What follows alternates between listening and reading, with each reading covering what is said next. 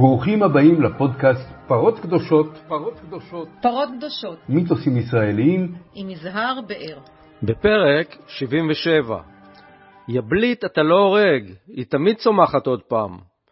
שיחה עם אורי שגיא על מדיניות החיסולים שמתעוררת עכשיו מחדש ועל כשלי המודיעין תחת פיקודו ובמשבר הנוכחי. כראש אמ"ן עבד אורי שגיא תחת חמישה ראשי ממשלה, תקופה שבה תוכננו פעולות חיסול משמעותיות ביותר של ראשי הנחש שבצד השני, ביניהם סדאם חוסיין, עבאס מוסאווי ועימאד מורניה. בעקבות מבצע חיסולו של מוסאווי ב-1992, בפיקודו של שגיא, נתמנה במקומו מנהיג מחוכם ממנו, חסן נסראללה, והתרחשו שני פיגועי נקמה בארגנטינה שהסתיימו ביותר מ-100 הרוגים.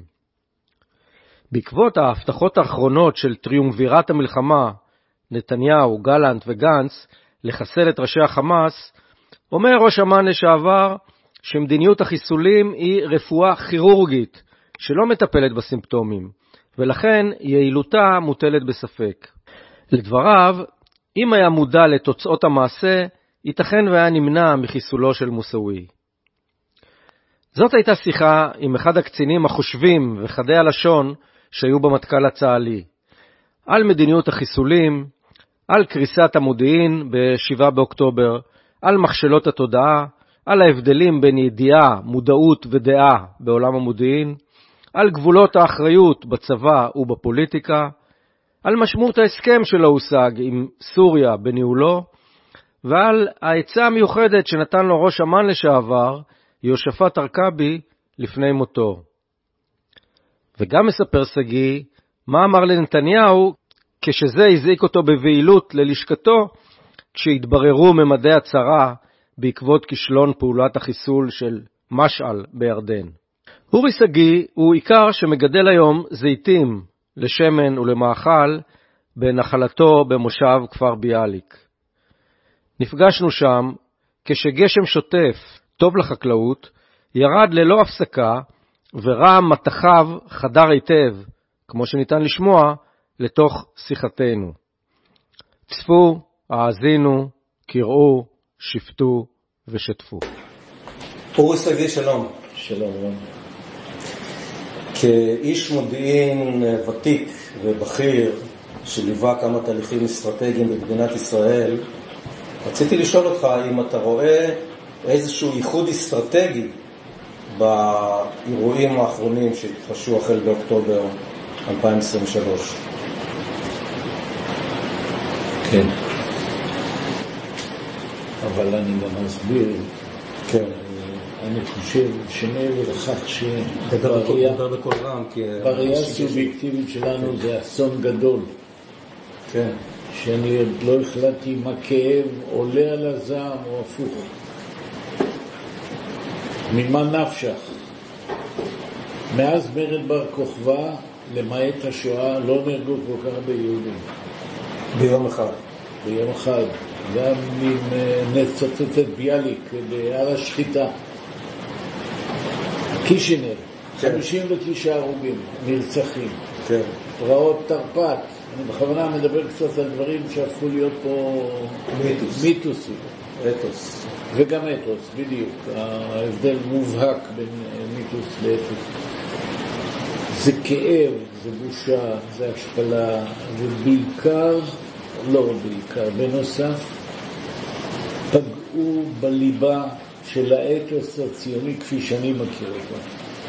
הרי במה פגעו? בהתיישבות. של קיבוצים בחלקם עלו ב-11 נקודות, 1946. כן. עיירות פיתוח, שהנה התגשם אולי החלום הציוני בן גוריון, כן. שהוא קרא לזה כור היתוך, אני לא אוהב את המילה הזאת, אבל שדרות, נתיבות, אופקים, אשקלון, כן. זה ישראל שהמלעיזים ניסו להפריד בין הראשונה לשנייה, לשלישית, הרביעית, והסתבר שכולנו מקשה אחת. כן. עם כל השבטיות והפלגנות והוויכוחים. זה אסון בקנה מידה היסטורי. אכן, אלא מאי, הצד השני של המטבע, חמאס, רושם לעצמו הישגים ניכרים, גם אם יובס בהיבט הצבאי, הוא הצליח להרוג כל כך הרבה יהודים, שאף מעשה טרור כדוגמתו קודם לא הצליחו ארגוני כן. הטרור. כן. שתיים, הוא אה, הצליח, אם נחבר גם את שומר החומות, שזה המבצע קודם וגם עכשיו, להיות הגוש המחבר, המדבק בין עולם מוסלמי סוני, הכי מוסלמים כדוגמתו, לבין כל העולם השיעי הסובב אותנו, האיראנים והחיזבאללה ועוד אחרים, הוא גם מצטייר כשומר ירושלים. בעיני הערבים, בעיני... זה זה הגורם הדומיננטי והאפקטיבי בפוליטיקה הפלס- הפנים-פלסטינית. והוא העלה, אחרון ולא חביב, עוד פעם על השולחן, על המדוכה, כן. את הבעיה הפלסטינאית, הקרואה הפלסטינאית, אבל עם אלמנט מדאיג שלא היה כך כן. קודם, האלמנט הדתי. כן. רוצה לומר, כל זה עוד מזמן לנו כי את החמאס כרעיון לא נגמור, כתנועה לא נסיים. האנשים תומכים בזה, ואולי מהדורה שנייה, אני מקווה לא כזו, עוד מצפה לנו ביהודה ושומרון, כן. מפאת שדחקנו את הטיפול בבעיה, כי אמרנו לעצמנו ולאחרים, בואו רק ננהל את הסכסוך. מה המשמעות של לנהל את הסכסוך? שווה בנפשך קונסוליום רפואי על מיטת חולה סופני, שהרופאים רק עוסקים בשיפור איכות החולה, אבל לא מנסים לטפל בסיבות למחלה, אלא רק בסימפטומים. אני קראתי לזה בעבר מדיניות הסיכול כן. הממוקד. לא בצד הטקטי, כן. אלא בוא נדחה, נטפל בסימפטומים, אתה יודע מה, בוא, יש לנו משהו על האור, נטפל אה, עם כן. איזה קורטיזון, כן. אבל הסיבה האמיתית להופעת התופעה הזו היא אמורה להיות מטופלת אחרת, כן. ודחקנו את זה מחמת אולי יהירות, אולי שאננות, אולי אי רצון, כל הדברים האלה גם יחד. אז בעצם, בעצם ממה שאתה אומר נובע שיכול להיות שאנחנו נגיע לשש אחרי המלחמה ונמצא שאנחנו עומדים מול אה, הישג אסטרטגי יוצא מן הכלל של הצד השני, של החמאס, שהוא בעצם, ב, ב, לא משנה כמה מכות טקטיות הוא יקבל, כשבעצם אפשר להגיד שהליבה שלו זה שהוא הוציא את הסטטוס קוו הקודם מהתקיעות שלו? גם, אבל לא רק. הנה הוא, הוא ארגון שהוא איננו אולי הרוב המספרי בקרב האוכלוסייה הפלסטינאית, אם כי מבחינה פוליטית לדעתי לחמאס יש היום גם תמיכה גלויה ומוסווית גם ביהודה ושומרון שעולה על הרשות הפלסטינאית ועל אש"ף, אבל אני לא יכול למדוד את זה. בעבר הוא גם- מגן, הוא מגן הקייס הפלסטיני. בעבר, ב- ב- לפני האירועים, טענו בסקרים שונים שאם יהיו בחירות חופשיות, החמאס יזכה בגדה המערבית, ביהודה ושומרון, והרשות הפלסטינית בעזה. אני לא עוסק בהיפותזות, אבל אני חולק גם על זה. גם בעזה התמיכה הייתה תמיכה מוחלטת, הרי היו שם בחירות. כן, רבה. אתה זוכר, אה, מה היום בעקבות מה שקרה אני לא יודע, קטונתי מלשפוט, כן. אבל הצליח החמאס פה עוד דבר שעוד מחכה לפתחנו, לשחרר את כל האסירים הביטחוניים הפלסטיניים מכל הארגונים. הוא יצליח. זאת אומרת, אם נרצה כן. את החטופים שלנו, מי כן. שמשלה את עצמו, ב... אני לא רוצה לקרוא לזה עסקה כי זה נראה מסחרי, אבל בהסכם, כן. שזה לא יהיה מחיר, אולי אפילו התחלי, אני כבר לא יודע לומר על דברים אחרים, דומה עם כך שהחמאס יחטוף, יספוג מכה קשה מאוד בצד הצבאי, בצד של התשתית של האוכלוסייה, בצד של השליטה היומיומית על הנעשה ברצועת עזה, אבל הוא לא נעלם. זה מביא אותנו, ובוודאי נשוחח על זה, האם המטרות שהוכתבו על ידי ממשלת ישראל לצה"ל הן ברות אה, יישום? שאלה פתוחה. אתה, אתה חושב שיש סצנריו שבו ישראל יוצאת מהסיבוב הזה עם איזשהו הישג אסטרטגי או הישגים? חלקיים. תפיסת העולם של אה, ביבי נתניהו, העומד בראש ממשלת ישראל, שחשב שהחמאס עדיף בעיניו, מבחינת הפרד ומשול, מאשר הרשות הפלסטינאית, כי הרי הוא, תבנית נוף מולדתו, זו שהוא לא רוצה שתקום מדינה פלסטינאית, ואני אומר את הדברים האלה מתוך מה שאני יודע, ולכן הוא לא רוצה שהרשות תגבר, למרות שהיא משתפת פעולה איתנו לפחות בהיבט הביטחוני. הייתי אומר, ממשלת ישראל נהנתה, מבלי להודות בכך, בהישגים החלקיים של הסכמי אוסלו, כמובן לא הישגים מושלמים, אבל באוסלו נשבר איזה אתוס של שני הצדדים, בואו נדבר, לא רק נזרוק פצצות אחד על השני. עוד ידובר על אוסלו. בשבילי אוסלו זה לא רק שם של מקור, זה שם של מושג שאנחנו צריכים להיזכר מה היה בו ומה לא היה בו. אז אני חושב שהחמאס לא ייעלם. מה, מה הייתה תוכנית היציאה מהמשבר שאתה, אם היית יכול אה, להגיש אותה לממשלה, היית מציע? רמזתי ואני מבקש עכשיו להסביר שתי נקודות. אחריות הקברנית, אם תרצה, בממשלה, או אפילו בתחום הצבאי הרמטכ"ל, היא בארבעה תחומים. האחד, תגדיר את המטרות בבהירות, לא בסיסמאות, לא בדיבורים.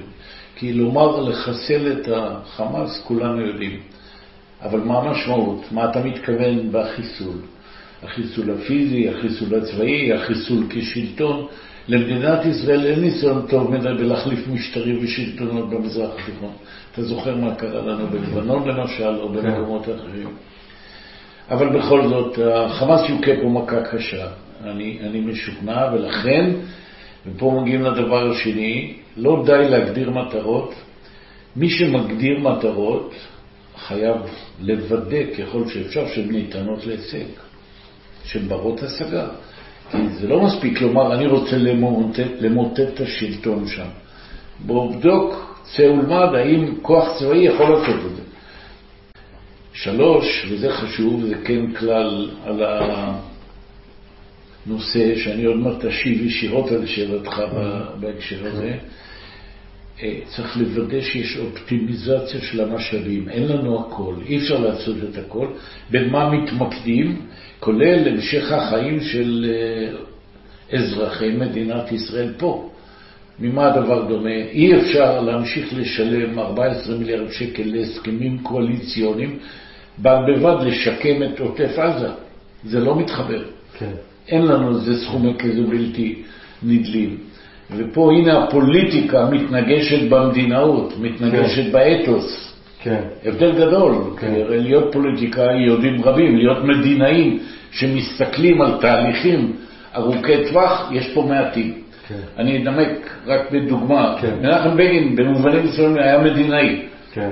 השלום עם מצרים הביא אותו להתמודד עם האידיאולוגיה של עצמו, והוא ראה ממלכתית כדי להביא הישג אסטרטגי מהמעלה ראשונה למדינת ישראל.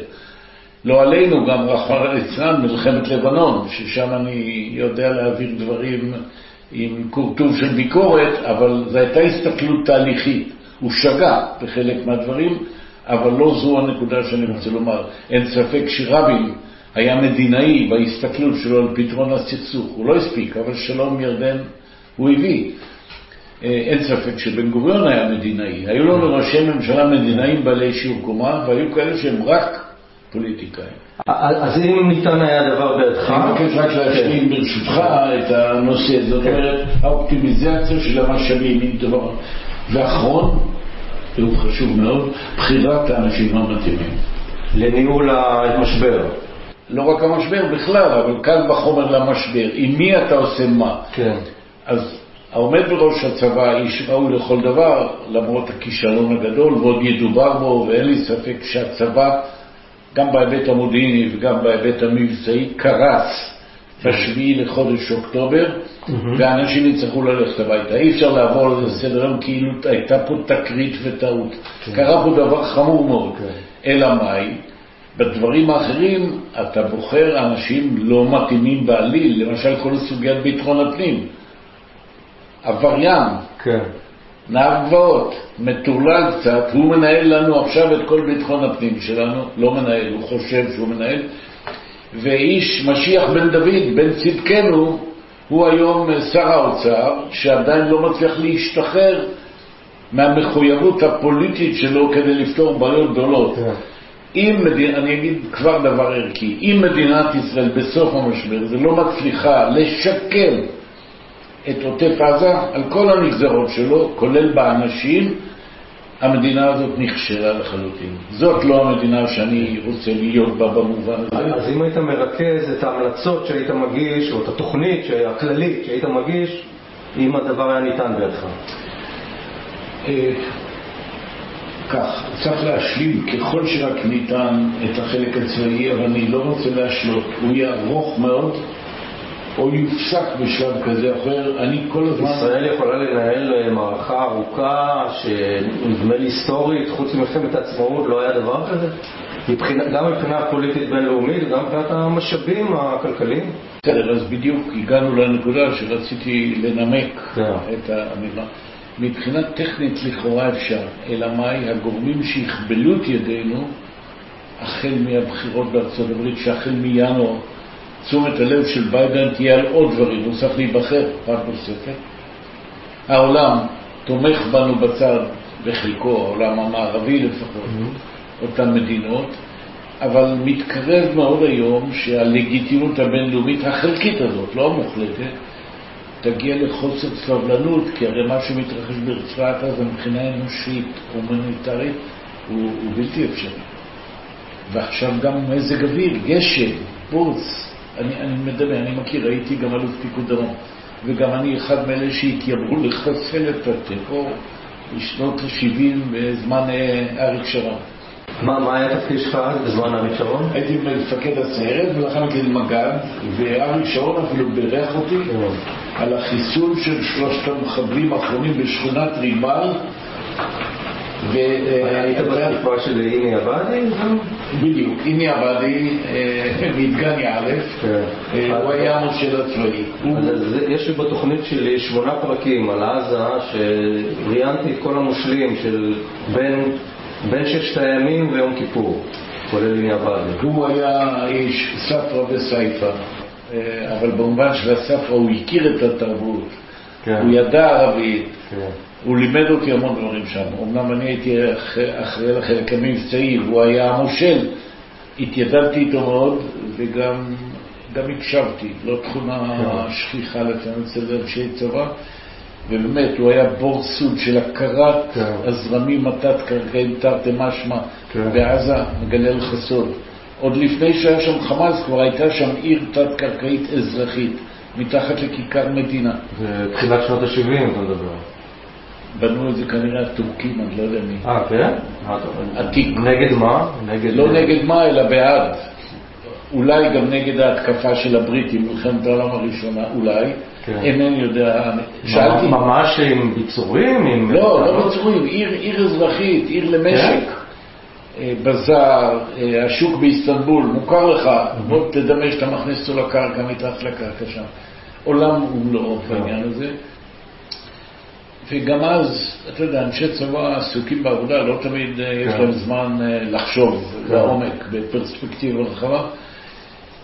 וזו הייתה חוויה מעצבת, לא קלה. מצד אחד בצד המבצעי אנחנו הורגים מחבלים, מצד שני להיכנס בלילה למחנה הפליטים שתי, או בג'באליה, למשפחה שחיה בפחונים, שהביוב בחוץ, והילדים צועקים ובוכים, התינוקות. אנחנו, אני מקווה גם בני אדם, זה, זה עורר לנו, לרובנו, אה, את התחושה שזו בעיה, גם אם היא בלתי פתירה, יש לנו איזו חובה לנסות להתמודד איתה. זה לא קרה. כן. אה, אני לא סיימתי אבל את הנימוק הרביעי אוקיי, האחרון. בבקשה. בחירת האנשים המתאימים שעליה דיברתי, שזה נושא השלישי, היא לעתים מהווה, אתה יכול להצליח או להיכשל. אין סיכוי, גם אם תסכים פוליטית ונורמטיבית עם ביבי נתניהו, ואני לא, עם חבורה מטורללת כמו שיש לו בממשלה, אין סיכוי שהוא יטפל בבעיות האלה, כבר בלי קשר להשקפת עולמו. אז על ביבי עוד ידובר מן הסתם, אה, ולדעתי גם לא הסתרתי עכשיו, אבל זאת ממשלה כל כך רקובה, שלא רק נכשלה בשבירה, היא צריכה ללכת כי היא גם לא מסוגלת לטפל בריפוי. תוך כדי מלחמה, לדעתך? אני מכיר את הניואנסים, אני חושב יפה שעה אחת קודם. לקחת את ביבי נתניהו, לבנות פה ממשלה חלופית אחרת, בתום המלחמה לעשות בחירות פה, שיחליט העם. כן. אני, אני רציתי לשאול אותך שאלה, אה, אולי התבוננות אה, ממבט הציפור, דרך, ה, בוא נגיד, הניסיון שלך כאיש מודיעין בכיר, אה, האם אתה יכול להעריך מה הביא לכשל, הלא רק המודיעיני, אלא גם הקונספטואלי, התודעתי, שהיה כל כך עמוק, שהוא מזכיר בדמיון רב את אוקטובר 2023, מזכיר בדמיון רב את אוקטובר 73. אז האם, האם אתה יכול אה, לפענח את uh, ה-DNA של הכשל הזה? עובדה שזה חזר אחרי 50 שנה. זה דומה, אבל לא זהה. כן. אין מקרה אני מסכים שזה לא זהה. אבל, הרי אנשי מודיעין ברמה הלאומית, אני לא מדבר על המודיעין הטקטי, הצבאי. ראש אמ"ן, בוא נקרא לילד בשמו, הוא נושא באחריות להערכת המודיעין הלאומית. הוא נשען על איסוף מידע מכל הסוכניות, לא רק 8200 והחזות כן. גם מהשב"כ, גם כן. מהמוסד, כל מי שיכול כן. לתרום, הוא איננו מפקד של הגופים האלה, הם כפופים כן. אבל בצד המודיעיני, שמסייע להערכת המודיעין, הוא ההיררכיה. נדמה לי שהסינדרום פה הוא שימוש בשורש י"ד עין. מה דרוש פה? אחד, מה יודע המודיעין? מה אנחנו יודעים? מה אנחנו עושים? חזקה עלינו שאנחנו עושים ברוב הדברים, דברים שכבר היו, כבר קרו. אז יש דברים אובייקטיביים, ורוב הדברים סובייקטיביים. אבל מה אתה יודע? מבלי זה אתה לא יכול להתקדם. מפה, מכאן, כמו, אתה יודע, טור, טור חובה עליך לנסות להבין את המשמעות של מה שאתה יודע. אני קורא לזה המודעות. זאת אומרת, אני משתמש בשורש י"ד אני לא אסתה מזה. רוצה לומר, אם אתה מבין את המשמעות של מה שאתה יודע, החמאס מתרשם, החמאס מתרגל, תצפיות צועקות, אני נותן לך דברים קונקרטיים שהיו שם, כן. שאני כאזרח קורא, שומע. זה צריך להדליק לך את האפשרות, בין השאר, גם אם יש לך תפיסת עולם, תכף נדבר עליה, שיכול להיות שיהיה משהו אחר.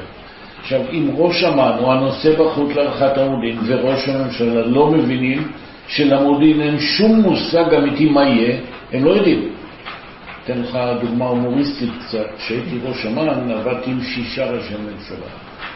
היציבות הפוליטית פה היא לא משהו, כן. אה, והבדיחה שאני גוזר על עצמי זה הומור שחור כמובן, שאופייני רק לגולני, הם הקפידו שאני אהיה שם חמש שנים, כי אמרו, הוא מגולני, הוא תופס לאט שיישאר פה הרבה.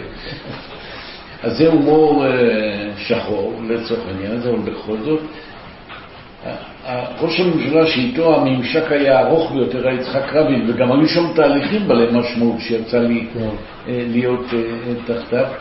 הוא היה נוהג להתקלס בכמעט כל פגישה אישית, שזה תמיד ביום שישי אחרי הצהריים, שכבר כולם הולכים הביתה, הוא שותה כוסית, כן. מעשן, אני מתבונן על התופעות האלה. מדברים. מתקלס במובן האיפכא מסתברא, והאם אתה בטוח. מה יהיה? אמרתי, אבל עכשיו היינו בדיון, אני אומר לך את הערכתי, והיית בהערכת המודיעין השנתית? לא, בכל זאת תגיד לי מה יהיה. אנחנו עכשיו בלי דרגות. לא לעיתונאים. גם הרמטכ"ל לעיתים היה נוכח בפגישות, בכלל טכניקה נהדרת. בדיונים אתה לא תמיד אומר הכל, יש רגישויות וכן הלאה. והייתי אומר לו, יצחק, אני לא יודע מה. זה גם לא התפקיד שלי. אני יודע להגיד לך מה אפשר שיהיה. כן. הוא אומר, רגע, אם אתה לא יודע להגיד לי מה יהיה, אז בשביל מה אני צריך אותך בכלל? אמרתי, גם את זה אני לא יודע. תחליט על מה אתה רוצה. אני רוצה לומר, אפשר שיהיה כך ואפשר שיהיה אחרת. זכותך גם לא לשאול אותי. אתה זוכר שהם גירשו, מרזהו, את אה, פעילי הג'יהאד האסלאמי והחמאס ללבנון, 1994 כמדומני, אני לא זוכר בדיוק את השנה. הוא לא שאל את השבת, לא שאל את המן, אכלנו אותה. היה נורא. אז הוא הודה שהוא טעה, והוא ניסה לעשות הסכם שלום, לא שלום, הסכם אוסלו עם בלי לשתף אותנו בהתחלה. אבל אנחנו יודעים, אי אפשר להסתיר מאיתנו, יש לנו סוכניות איסוף נהדרות, כושר האיסוף הוא נהדר, אז אם לא סיפרת לי, 8200 יספרו לי. כן. למרות שמבחינת הצד הרשמי אה, אנחנו לא אוספים מידע לישראלים, כן. אבל הערבים, הפלסטינאים, שדיווחו על המפגשים הישראלים, אה, עשו אותנו מעודכנים מאוד בהקשר. מי מראשי הממשלה שעבדת איתם היה... אני רק רוצה כן, להשלים את אוקיי. השאלה שהיא מאוד מרכזית, למה זה קרס? כן. אז המודעות ומה אפשר שיהיה. נכון, אתה צריך באמת לשקלל את זה סביבויות, אבל לדעתך אתה מביע בפני מקבל החלטה אחרי שהוא החליט באיזה דרך הוא בחר. עכשיו, פה יש דבר קריטי, וזה לא עולה בכל הפורנוגרפיה התקשורתית באולפנים עכשיו על המודיעין אה, בהקשר הזה. מרגע שהקברניט, הממשלה או הרמטכ"ל, כל אחד בערך קיבל את הערכת המודיעין, היא הופכת להיות שלו. האחריות היא שלו, לא פחות ממה שיש למודיעין. ב-73' הממשלה הייתה אחראית, היא קיבלה את הערכתו השגויה של אלי זעירה. היא אחראית. לא רק הוא, גם הוא, אבל היא אחראית. כן, אנחנו נדבר עוד על האחריות. אז אני משלים, כי אתה שאלת שאלה כן. ואני רוצה את החלק האחרון כן. של יהודה לדן, אתה זוכר, אני מאוד שיטתי. אני מרגיש. בהסבר שלי. אם עמדת במבחן הידיעה, ואחר כך עמדת במבחן המודעות והמשמעות, עכשיו הגיע שלב הדעה. פה מה שקרה ב-7 לאוקטובר בדיוק הפוך, הייתה להם דעה, מה שאתם קוראים קונספציה, הייתה להם דעה שהוא מורתע, סליחה, הרתעה זה לא הערה מודיעינית, זה הבעת דעה. אני עכשיו מנפץ לך כמה דברים פה. כן. מה זה הרתעה? איך מודדים הרתעה? אתה חושב שהוא מורתע והוא לא. חשבנו שמצרים מורתעת והיא פרצה במלחמה באוקטובר. חשבנו שהחמאס מורתע, מעבר לזה שהוא הרים עלינו ושיטה בנו, נעזוב רגע את החלק הזה, אלא הרתעה בלתי מדידה. אתה אומר ש... עוד דבר בלתי כן. מדיד, אנא, אני כן, בשיווק כן, של לדבר על מודיעין בהקשר הזה. מה כוונותיו של האויב? איך מודדים כוונה, ניסן? כוונה זה תהליך ביוכימי במוחו של בן אדם. אני לא יודע מה כוונתך עכשיו, אפילו בשיחה איתי, אבל אני יודע מה אתה אומר ומה אתה עושה. המודיעין בודק מה אתה אומר ומה אתה עושה ולא מה עובר כתהליך במוח שלך. זה בלתי אנושי לנסות לשער את זה. אז לכן כשאתה חוקר כוונות, היה זהיר. עכשיו, אני מבקש, זה נראה לי מאוד חשוב. רוב קשב. לא, אני יודע, אבל אני רוצה כבר לקפוץ לנושא הבא, כי אני מתמקד במה קרה בשביל החודש. עכשיו בואו נראה את הצד השני של המטבע, איש המודיעין, לצורכנו ראש אמ"ן, אבל זה יכול להיות כל אחד אחר, זה גם פעל עליי. ממה להיזהר, אדוני ראש הממשלה, בבואך לעסוק במודיעין? היזהר מאנשים שיודעים הכל. היזהר, הם מסוכנים. הם בעיני רוחם רואים ויודעים הכל. שתיים, היזהר עם אנשים שהם תמיד צודקים. גם בדיעבד, אגב, חלק מהפרשנים, ראשי אמ"ן לשעבר, בלי שמות לא אפרט, אני זוכר שהם אמרו אחרת בדיונים אצלי. זאת אומרת, עקביות זה לא תכונה מודיעינית טובה, כי אם הנסיבות... שדיברו אחרת מאשר בדיון עם ראש הממשלה, אתה מתכוון? כן, אנשים, עכשיו, נורא פופולרי לכל אנשי המודיעין לשעבר, או שכמותם, פרשנים לעת מצו, אני אהיה יותר ציני. אה, אני רואה שפע של מוחות אנליטיים באולפנים עכשיו, מפרשנים לנו את היה, וזה מוחות אנליטיים על מה שהיה. כן. אנחנו רוצים להבין כן. מה הפועל היוצא של העניין הזה. אז תיזהר לך מכאלה שיודעים הכל, תיזהר מכאלה שכל הזמן צודקים, גם מזה בדיעבד דרך אגב, והמילה בדיעבד היא קצת צינית.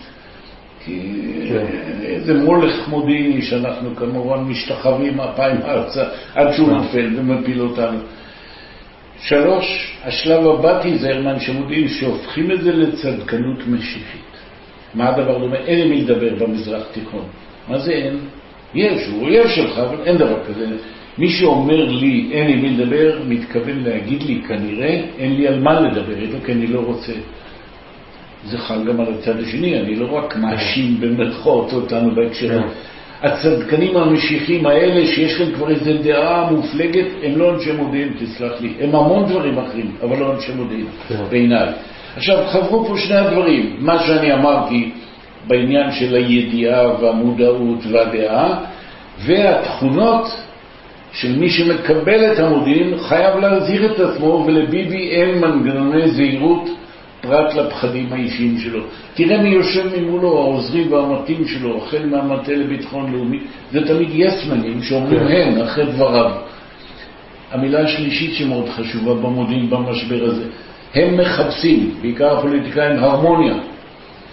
אני, כראש אמ"ן לשעבר, אומר לך שאני חיפשתי דיסהרמוניה. ככל שיש דעות מנוגדות, הדיון קורה. הערכתי, לא החשיבה, החשיבה. הערכה שלי, יש מי שמאתגר אותה. מה הכישלונו של ראש אמ"ן מצליח? ככל שהוא מצליח הוא מקרב את כישלונו. כי אתה מתחיל לפתח איזה ביטחון עצמי שלא תמיד יש לו מה לסמוך. גם אם צדקתי אז, אמרתי לך, תיזהר מאלה שצודקים. זה לא מבטיח לי שום דבר לפעם הבאה. אפילו אני אתן לך דוגמה מעולם הספורט, דווקא, שזה הרבה יותר כן. פופולרי, בנון לדבר על זה. שאתה, לא, אתה אוהב ספורט? חובב ספורט? במידה מסוימת. בוא, במידה זהירה. אני כן, אז לכן אני משתמש בזה. אז נאמר, אה, בוא ניקח את מכבי תל אביב בכדורסל, שהיא שם דבר בספורט כן. הישראלי. אה, במשחק הבא שיהיה להם בגביע אירופה, כל תהילת עבר לא עומדת לה, הכל מתחיל מההתחלה. ברור. או אנחנו בצבא ניצחנו קרב מסוים, מחר מבחן חדש. ברור.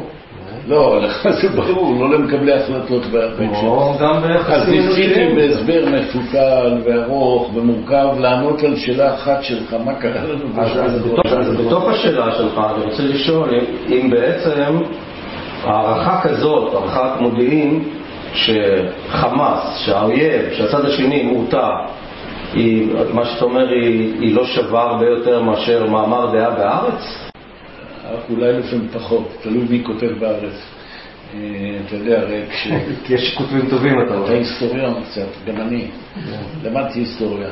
כן. אה, זה, לא ידעתי שאני אהיה במודיעין, אבל זה, זה שיעור מרתק בחיים היה לי. אני.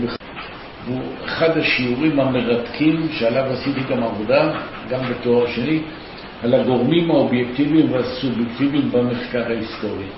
עכשיו תמחק את המילה היסטורי גם במודיעין. כן. שאתה רואה עולם של אה, וקטורים מנוגדים, כן. וכל הדברים האלה. מהו האובייקטיבי ומהו הסובייקטיבי בעולם המודיעין? או, החומר גלם שאנחנו עוסקים בו הוא נתון לשרירות, אנחנו בוחרים על מה לעבוד. עכשיו אני מתרגם לך, ראש אמ"ן לא יכול לקרוא את הכל. מישהו בורר לו סלקטיבית מה יבוא לשולחנו ומה לא יבוא לשולחנו. יש אולי כל כך הרבה דברים שאתה בכלל לא יודע על קיומם בזמני, היום זה פי לא יודע. רק ב-8200 בממוצע ביממה 6,000 ידיעות. אין סיכוי שמישהו יקרא את כל הששת אלפים, אז היום מחשב בורר לנו כבר את הדברים. ועוד מביא כל אחד מאיתנו בהערכתו, ואני אימצתי את זה לתפקיד המודיעין, והיה לי שם שיעור, לא ידעתי שאני כן. ראש אמ"ן. האדם איננו אלא תבנית מפנה לדתו, אמר שאול צ'רניחובסקי. הוא אומר, זה, זה ברור שאתה מביא איתך במודע שלא מודע את עולם המושגים שגדלת איתו, כמעט ב-DNA, פה דובר על ה-DNA קודם. הספרים על מלחמת אוקטובר 73, כן. תהפוך, מי כתב אותם? כן. ובאיזה הקשר? הרי זה לא תחקיר מקצועי אבסולוטי כן. על הדברים האלה. על ערש דווי פגשתי אה, פרופסור מזרח תיכוני בשם יהושפט ארכבי, הכרתי אותו היטב, למדתי אצלו. שהוא גם, היה ראש אמ"ן. כן. והמשפחה ממטולה, זאת אומרת, זה כבר כמה דברים שמחברים אותי אליו. כן. בהיותו על ערש דווי, אני הייתי ראש אמ"ן, החלטנו שאנחנו מסייעים לו ולמשפחה, כי הם נשארו בבדידות איומה. והוא היה חולה מאוד כבר, אז הוא עשה לי המון שיחות נפש, שאני מצטט מתוכם. אמר לי, תראה, כראש אמ"ן, אתה לא צריך להיות צודק, תהיה רלוונטי. מה תהיה? רלוונטי. רלוונטי. אתה רוצה להיות צודק, אתה כבר מביע דעה, אתה כבר לא מודיעין, אתה כבר משהו אחר. לא מגונה, אבל אתה כבר לא מודיעין. תהיה רלוונטי להחלטות, תביא דברים רלוונטיים. שניים, בערך דומה למה שאמרתי לך שמזהיר, הוא עשה את זה בלשון יותר עדינה ממני, כי אני עם גנים פלסטינים ולא תמיד מנומס. בהקשר הזה, אני דור שני בארץ, כן. יזהר, ודור רביעי לחקלאים. דבר חופשי. אז זהו, אני מחוספס. כן. אמר לי, היזהר לך, ראש אמ"ן, שלא תטרף עליך חוכמתך מפני ידענותך. הוא בעצם אמר לי מה שאמרת, תיזהר מהידענים, כן. קלבסה. כן. מיני אמירות כאלה, הכל סביב שאלתך להשביל מה קרה לנו. זה אירוע שאני עוד ממעיט בהשפעתו על אנחנו לא החברה הישראלית. עדיין אנחנו לא יכולים להבין אותו. לא, אני עוד לא, אני לא, אני חי אותו אמוציונלית, אני חי אותו ערכית. אבל, אבל בכל זאת אני, אני קצת אה, מתעקש על, ה, על, על העניין הזה של הכשל התודעתי, קונספטואלי, מודיעיני, ה- ה- במובנים העמוקים יותר שלו. אתה חושב שהוא מבוסס על, אה, בלשונך, על גורמים אובייקטיביים יותר או סובייקטיביים? סובייקטיביים, אין לאובייקטיביות ומה לעשות פה בכלל. ועוד לא דיברנו על הכשל המבצעי של צה"ל. באחת עם קרסה הערכת המודיעין, אבל הצבא התגלה כמגדל דומינו שקורס בשנייה. אין כלום, כלום לא עבד. אל תקל ראש בזה, כי אתה יודע, יכול להיות שהמודיעין העריך את מה שהעריך, אבל יכולת מבצעית טובה מכפרת על זה גם אם במאוחר. לא היה פה כלום. אני, אני שומע את הצעקות, איפה הייתם? והלב נחמץ. ישבתי עם עמוס אפשטיין, אולי שמעת אותו מכפר עזה, הוא היה מנכ"ל מקורות, כן. חבר שלי. כן. יהודי בן 80 בגיל שלי, לחם בירושלים לכיבוש האחיו נהרג שם לא רחוק ממנו. בסדר, אנחנו משפחות ש... שקורה לנו. עכשיו הוא איבד את אשתו, איבד את חתנו, ראש המועצה שם, איבד בן ועוד שני נכדים. אתה יושב מולו, ורק הוא אומר לי, איפה הצבא שלך? כאילו שאני אחראי על הצבא, אני השתחררתי ב-97. הוא אומר, איפה הצבא שלך? הם לא מסוגלים אפילו להבין, גם אם מנסים האנשים האחרים. האחרים, אני מתכוון לזה, אה, ביבי זה סוגיה שעוד נעסוק בה. מאיפה שאריה דרעי יבין את זה, מאיפה שסמוטריץ' יבין את זה, מאיפה שבן גביר, הם לא היו שם אף פעם, הם לא מבינים. וכשאני מדבר על האתוס,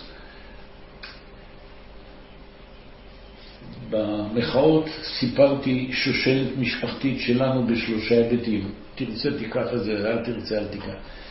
סבא רבא שלי זה עדות שמיעה, היא לא טובה לבית משפט, אבל במשפחה כך דובר, כן. ביסוד המעלה. אמר, אני נאבקתי בימי ממשלה עוינת טורקית, יכולתי להם, הם הלכו, אני פה. הסבא שלי, שוב עדות שמיעה מאבא שלי, אבא שלי לא בילף אותי אף פעם. הסבא אמר, אני יכולתי לממשלה עוינת בריטית, הם הלכו, אני פה. ואני שאלתי אם אני צריך לדווח להוריי שאני נאבק בממשלה עוינת, אבל הייתי מסיים את זה במחאות, כך דיברתי. שהם כאן. הם, אני פה, אתם תלכו. הם ילכו, החבורה המזיקה הזאת. שאלה אם נשכיל לבנות וליצור חוזה חדש פה בחברה הישראלית. כן. אני לא אופטימי באשר לפלגנות שתהיה פה אחרי מלחמה, זה יכול לחזור. זה יכול לחזור. כן, אבל- עכשיו, עכשיו כן, עוד. עוד שנייה, ש... כן. קרס לי פה עולם מושגים לי, שאני אני מבין את האתוס של ההתיישבות ואני מבין את הצבא וחשיבותו וגם לא ברחתי אף פעם, עשיתי מה שאני יכול, כמיטב יכולתי, והכל קורס. לנגד עיניך, אני אף פעם לא מאבד תקווה כמובן, אני מצטט, אני צריך, אתה יודע, לעודד, מה יהיה? אז מה אני אגיד להם כמו לרביד? לא יודע מה יהיה. אנחנו נעבור, אני אומר להם. ואני חוזר לאנשי בראשית של ליעזות שמאלי. אתה זוכר את כן, הספר?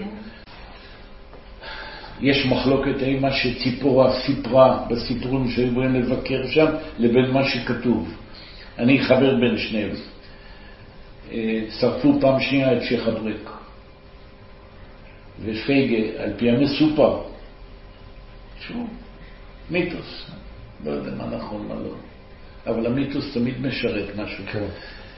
אמרה בראשה, די, לא יכולה יותר, נלך מפה. אמר לה אלכסנדר זייד שהוא האיש שעומד על דעתו, גם בצד הקשה של העניין, בשומר, בכפר גלעדי, והוא לא איש קל. פייגה, פייגה זה ציפורה. תביא את הפרידה, נרתום אותם אחרי שם, מתחילים עוד פעם. אז שאני צריך עכשיו לעצמי להגיד, זו נחמה קשה, כי לא כולם כן. אולי יורדים לסוף דעתי, אבל אני רואה את ישראל במיטבה, שכרגיל היא תמיד סחבה את העניין. זה, שוב, מי שנלחם שם... ישראל, דל, ישראל דלמטה. הפירמידה פה הפוכה, אה, יזהר. האיכות היא למטה, לא למעלה. גם ביום כיפור וגם במלחמות. כן. המ"מים, המ"פים, המג"דים, לא גנרלים. כן. סליחה על המילה גנרלים, אני לא אוהב אותה. אה, יש לה קונוטציה לא, לא סימפטית. אני גם לא אוהב את התנועת מפקדים לביטחון ישראל והכל, שאני, זה חברים שלי, אל תתדרדרו בזה, תביאו פה גם פרופסורים, תביאו אנשי חינוך, תביאו כלכלנים, זאת תנועה. אבל הייתי רוצה לשאול אותך שאלה אחרונה בעניין, הכשל הקונספטואלי. יוהרה, לא דיברתי על היוהרה, לא דיברתי על השנים. בדיוק בעניין הזה. אז אני רוצה לשאול אותך האם, באמת שלא דיברת על אה, משהו שכנראה חוזר עליו ב-DNA הישראלי, התודעתי, של הזלזול באויב הערבי. אם, אם אתה התמודדת עם אה, עננה כזאת שיכולה להיות על אה, הערכות של אה, איש אנשי מודיעין, אני לא, אני לא יודע אם זה זלזול, זה יוהרה, לא בהכרח בעומדים מולך, אלא בכוחך המוגזם. לא כל מה שבריק אמר נכון, אבל גם לא כל מה שאמר בריק לא נכון. הצבא איבד מכשירותו, בואו נקרא להם בשמו, בין השאר, בין השאר, בגלל שהשמיכה קצרה, הוא מאבטח את קבר יוסף. הוא לא מתאמן, הוא לא בכשירות, הוא לא מספיק טוב. חיל האוויר הוא החיל היחידי שמודד כשירות. אם לא טסת איקס שעות בחודש, אתה לא כשיר.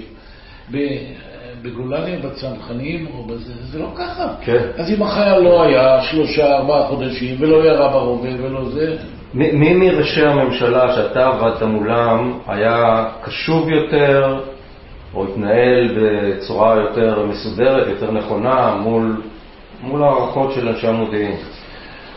הם כולם, קודם כל לזכותם, אני עבדתי עם שישה. גם אם הם היו מתקלסים, כפי שסיפר לך על רבין, המודיעין טועה תמיד, אין לכם מושג, לא חשוב, הם כולם הקשיבו קשב רב מאוד. ואני מציין לחיוב, אני אגיד לך גם עם מי עבדתי, אז תבוא את העניין הזה. כן, כן. עבדתי עם יצחק שמיר, עבדתי עם שמעון פרס, עבדתי עם יצחק רבין, עבדתי עם אהוד ברק, עבדתי עם אהוד אולמרט, כי עבדתי כמילואימניק לעזור שם, כולל הכור הסורי, כן. והם חשבו שאני יכול לעזור. כן. אני אספר לך על אהוד אולמרט בהקשר הזה, שהוא גם מעניין, כן. אפרופו יוהרה. עם כאחד. נתניהו לא עבדת. לא, הוא היה מתייעץ איתי מדי פעם. כשהיה איזה פשלה גדולה היה קורא לי, כי אני כאילו לא מאיים, אני לא במערכת. כן. אחרי ח'אלד משעל למשל, טלפון, הייתי כבר בחופשת שחרור. טלפון 12 וחצי בלילה, שאומר, רוצים אותך מלשכת ראש הממשלה. אני אומר לו, תגידי להם שאני כבר לא בתפקיד. לא הבנתי. לא, מתעקש. ביבי על הקו. תשמע, אני מאוד מעריך אותך, אני מבקש להתייעץ איתך, תבוא דחוף בבוקר לירושלים. ראש ממשלה קורא, אני באתי. פוגש איש מבוהל ממה שקרה עם ח'אלד משעל בירדן, והוא שואל אותי, והנה לך היוהרה. מה אתה אומר? אני אומר לו, מה אני אומר על מה? הוא אומר, קרה זה וזה וזה וזה. אמרתי, אין לי תשובה על החלק המבצעי. הם לא פגעו, הם פישלו, אבל אם הם יתעלמו, יהיה בסדר. אבל אני רוצה להגיד לך שני דברים שמעוררים תמיהה. אתם בחרתם קודם כל מטרה, אמרתם ראש הנחש, משל הוא לא ראש הנחש, הוא ראש המחלקה המדינית. הוא לא חובב ציון, אבל עליו לא הייתי משקיע כזה דבר. כן. שתיים, בירדן אם אני מביע דעה, אדוני ראש הממשלה, את אה, לא היית עובר, לא אותי ולא את ראש המוסד שבתאי שביט ולא כן. את ראש השב"כ באותו זמן. כן. היינו אומרים לך, לא בירדן, תראה איזה נזק אסטרטגי כן. לשלום.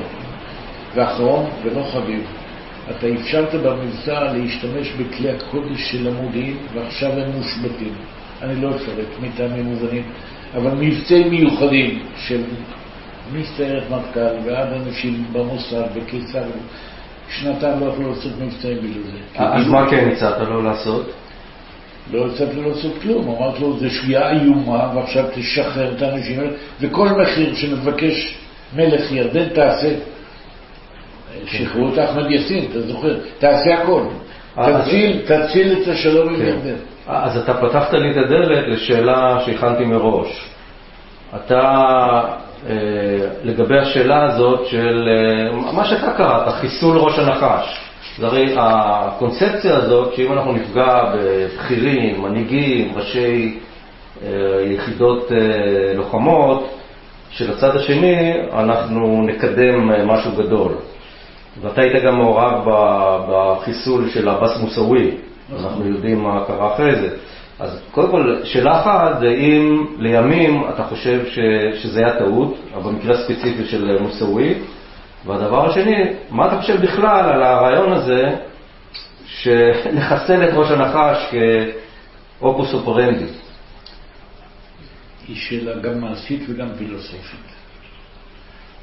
בצד המעשי אתה מתמודד עם כאלה שלעיתים מחר הולכים להרוג אותך, מטאפורה, וצריך להרוג אותם. וזה לא, לא כי אני חובב אה, חיסולי, אבל אתה מתמודד עם דבר, אני אביא אותך חזרה לעולם הרפואה. בגילי אני המשתמש של הרפואה, אבל אני מסתכל על זה. אה, יש שלוש דיסציפלינות ברפואה.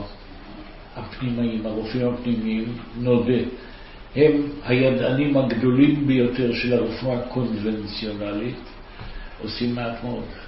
כולם מתים במחלקות הפנימיות, או בעיקר בגיל מבוגר. כן, אני מגזים. כן, הם עושים דברים נפלאים גם. כן. אבל ידם בריפוי דברים שהם על-טבעיים קצרה מלובשיה. הדיסציפלינה הכירורגית היא, היא בדיוק שאלתך. מה הם עושים הכירורגים? ואני בוגר שש פעמים של כירורגיה מצילת חיים. הם הצילו את חייהם. הם לא, הכירורגים לשיטתם לא מבינים ברפואה שום דבר, אבל הם עושים הכל. הסיכולים הממוקדים זה כירורגיה, כי זה לא מטפל בסימפטומים. אבל הדיסציפלינה השלישית זה אנשים כמוני, פתולוגיה. פתולוגיה. פתולוגיה. מה הפתולוגיה? הם יודעים הכל כמו הפנימאים, הם עושים הכל כמו הכירורגים, הכל מאוחר מדי. אז עכשיו אני מדבר מאוחר מדי. כן. עכשיו בואו נחזור לכירורגיה. מה הכירורגיה? כן. הכירורגיה מטפלת בסימפטומים. הם מצילי חיים, הצילו את החיים שלי, אני בהכנעה. אתה לא מדבר על תקופת הצבא, אתה מדבר על התקופה של היום. כן. על הצבא, על מה אני מדבר? אה, אוקיי. איפה שברו לי את העצמות? בצבא שברו לי את העצמות. תבחר, קצת סורים, קצת ירדנים, כן. אבל תקנו. אתה רואה, אני נראה בסדר יחסית. פציעה אחת מאוד קשה, שברו לי פה, אני, אתה לא שמת לב, אם היית אומר שהמצלמה פה, אין לי צידוד, עד היום אני מקובע פה עם ברזלים וקונסטרוקציות, לקחו לי את הצידוד. אם הייתי טנק, אני מושבת, לא יכול לשבת. כן. אבל המחקר... לפחות, לפחות אתה יכול להישיר מבט מול המצלמה והמיקרופון. כן, אבל לעומת זה, הרי אנחנו יודעים מי פוגע בנו, אלה שאנחנו לא רואים אותם, מאחורה. אז אני לא יכול לראות. שבתור איש מודיעין אתה מאוד זקוק אז- הזאת. אז הנוירוכירורג שלי, הוא אמר, תראה, אני מתחייב, התחייבתי לך, שכל מה שהערבים שברו לך, ואני יכול, אני מתקן. מה שהיהודים עושים לך או לשכמותך, לא יכול, זה לא בקפסיטי שלי בכלל. והכירורגים, זה הסיכול הממוקד של חיל האוויר שהוא בא לזרוק פצצה על שחאדה והורג גם בינתיים עוד 16 אנשים בבית הליד. אני לא יפה נפש, שלא תבין, אבל עכשיו בכלל אנחנו כל כך כועסים שאנחנו לא בודקים מה עוד קרה שם. אני לא בלתי מזדהה עם התגובה שלנו אלימה, אבל נודה על האמת, יש שם 2.2 מיליון אנשים, נהרגו שם כבר, לפי הדיווחים הפלסטינאים, כ-14 אלף איש, מהם 60-70 אחוז ילדים, על פי הדיווח שלהם, גם הם מגזימים. קשה. אבל עכשיו זה לא הזמן, כי אתה יודע, שיעורים, המוזות שותקות במבנה מסוים, ואני, ואני כן. לא יכול להגיד כמו אברהם שפירא, אתה זוכר, היה זקן השני. לא הרגתי ולא נהרגתי. בדיוק, אני לא הרגתי ולא נהרגתי אף פעם. אברהם שפירא של מלאבס, של פתח כן, תקווה, כן, כן. מהדור של אלכסנדר זייד, אני חושב, כן, כן. כל החבר'ה. עכשיו, באשר לסיכולים הממוקדים, תראה, מה, מה המכשיר? כשמחליטה גולדה מאיר עכשיו לחסל את כל מי שעשה לנו את מינכן, זה נקמה. אבל כשהולכים להרוג אחרי ליל הגלשונים, אמרו לי בראש אמ"ן, תביא רשימה שצריך להרוג אותם. עם אדמו"רניה, חליל חר, עבאס מוסי, היה לי 11 שמות. דינם מוות לכל דבר ועניין, אבל כמובן אחריהם תמיד יבוא מישהו אחר. דיברנו בשיחת טלפון, אני חושב, אחרי עבאס מוסי בא חסן נסראללה. לא בטוח. מוצלח ממנו. כנראה מוצלח ממנו. לא. אז לעיתים אתה מטפל בעניין כי הוא מפעיל אופרציות. עימד מורניה, לקח להם שנתיים שלוש למצוא מחליף ראוי. עימד מורניה היה רוצח אולי הגדול בכל הרשימה הזאת. שמעת את שמו. הוא זה שעשה לנו שני הפיגועים בארגנטינה. בעקבות הבאס מוסאווי. ברור. נהרגו בקהילה שם 80 איש, אתה זוכר? ברור. היא שאלה שאין לה תשובה מוחלטת, ונדמה לי שתמהיל נכון בשני הדברים הוא הכרחי. אתה הורג כי אתה נאבק ביום בשוטף, מתוך ידיעה, להבדיל כמו היבלית. יבלית אתה לא הורג, היא תמיד צומחת אותה. למה? כי יש מקור מים שמגדל אותה. איפה היא גדלה? יש מים, קצת נוזל לצינור, אתה לא מרגיש, היבלית לא תהרוג אותה, תכסח אותה, תרסס, היא תגדל עוד פעם. כי את בעיות היסוד לפתור פה, אם בכלל אפשר, לא תמיד אפשר, צריך להודות, יש גם מחלות חשוכות מרפא, אבל צריך טיפול שהוא משלב גם רפואה פנימית וגם רפואה חיובית. הבעיה קרויה בעיה פלסטינאית. תראה איך היא הידרדרה מאז שנת 2000. שנת 2000 היא בעיניי שנה קריטית בלימוד ההיסטוריה שלנו. מה קרה בשנת 2000? מ-91 עד 2000 רוב הקליינטים המזרח תיכונים המעורבים בסכסוך ערבי-ישראלי בחרו בנשק מדיני. לא הכל הצליח. כן. היה משא ומתן עם סוריה ולבנון, היה משא ומתן עם ירדן, כן. ו... אז עם ירדן הגענו לשלום וכן הלאה והלאה. לא מבטיח. אבל נטשנו את העניין הזה. עכשיו, זה מביא למחשבה אחרת. תשאל את עצמך, אנחנו היינו נוהגים במידה רבה של יוהרה להגיד ערבים מבינים רק כוח. בואו נהפוך את זה, אולי היהודים מבינים רק כוח. זה ברור מבין את הכל. זה הרבה. מבינים זה כוח. לצורך העניין. נודה על האמת שאלמלא מלחמת יום הכיפורים לא היה ישראל. לא אותו. שנה לפני ישראל דחתה הצעה יותר טובה. בכינו ביוהרה, בבוז, בשחצנות ובבורות. גולדה מאיר, עכשיו יש סרט עליה, יש לה דברים טובים, יש לה דברים טובים, אבל היא הייתה בורה, בורה בכל הבנת העולם המזרח תיכוני. לא היה לה מושג. לא אני אמרתי, יוסי שריד אמר את זה עליה. היא לא, לא הבינה, היא אמרה, אין עם פלסטיני. אז היא אמרה, אני עוזב, אני לא בא חשבון עכשיו עם... אה. משה דיין הבין שיש, יגאל אלון הבין שיש, הם גדלו פה.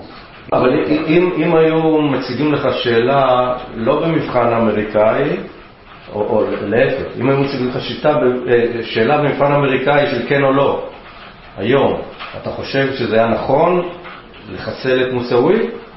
כן או לא?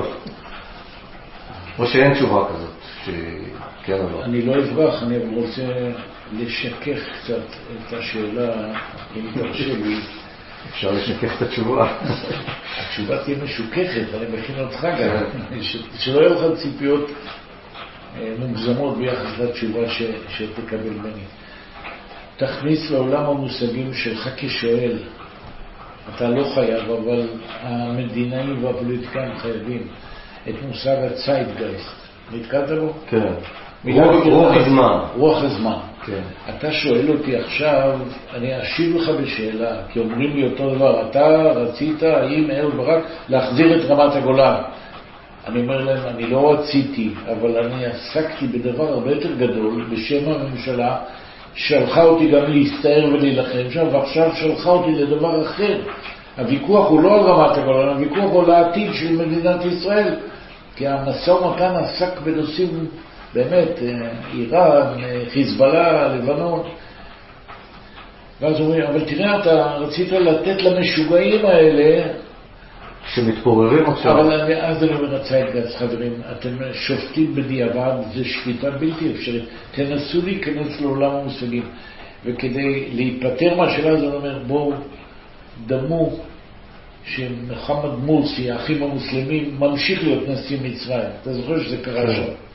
אז מה תגידו, שבגין לא ידע מה שהוא עושה לפני 40 שנה? או כבר יותר, 50? הוא עשה שלום, בציידגס, ברוח הזמן של אז, החלטה בלתי רגילה. לכן אתה שואל אותי, אני אגיד לך מה היו הפגמים והשגיאות שלי בעבאס מוסאווי. קודם כל, מבחינת הלגיטימיות הוא היה ברשימה. הוא היה בן- מוות. האם הוא הראשון? לא. עימד מורניה קודם, אבל לא היה מודיעין עליו. לא היה. על חליל חרב היה לפניו, שם ידוע, אבל לא היה מספיק מודיעין עליו.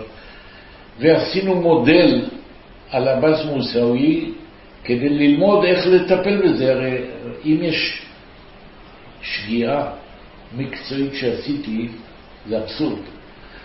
זה שבתרגיל הרגנו אותו כבר. זה בדיוק כמו שתשפוט מלחמת לבנון השנייה.